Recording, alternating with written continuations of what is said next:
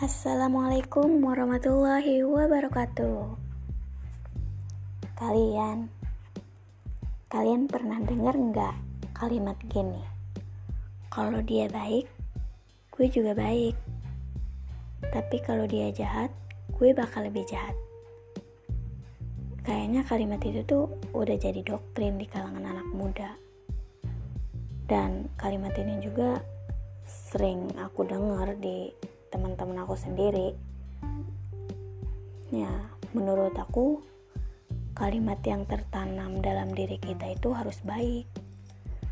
Karena tanpa kita sadari kita itu bertindak sesuai apa yang kita tanamkan pada diri kita. Jadi teman-teman alangkah lebih baiknya kalau kalimat itu diganti jadi. Kalau dia baik gue bakal lebih baik tapi kalau dia jahat, gue bakal tetap baik. Masya Allah banget kan teman-teman. Jadi intinya, kejahatan itu jangan dibalas dengan kejahatan lagi. Kan sesuai dengan firman Allah. Tidaklah sama kebaikan dengan kejahatan. Tolaklah kejahatan itu dengan cara yang lebih baik. Quran Surat Fusilat ayat 34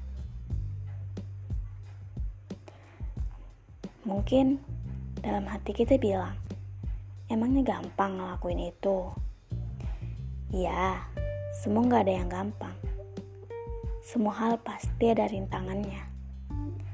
Tapi, kita coba dulu untuk melakukannya. Insya Allah, di dalam kesulitan akan selalu ada kemudahan kan? Kayak misal, kita nggak boleh ngeluarin statement kayak gitu. Terus kalimat kayak gitu itu nggak boleh tertanam dalam diri kita gitu. Dan coba deh kita pikir lagi kalau hal baik dibalas dengan yang baik lagi itu emang udah biasa kan? Tapi kalau kejahatan dibalas dengan kebaikan itu masya Allah banget kan teman-teman. Karena menurut aku di situlah ada rintangan yang lebih besar. Di situ titik seninya. Bagaimana kita memperlakukan orang lain dengan baik.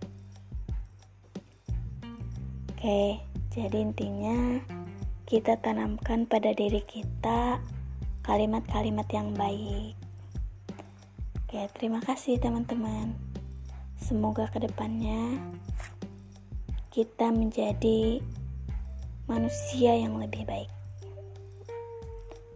Terima kasih. Wassalamualaikum warahmatullahi wabarakatuh.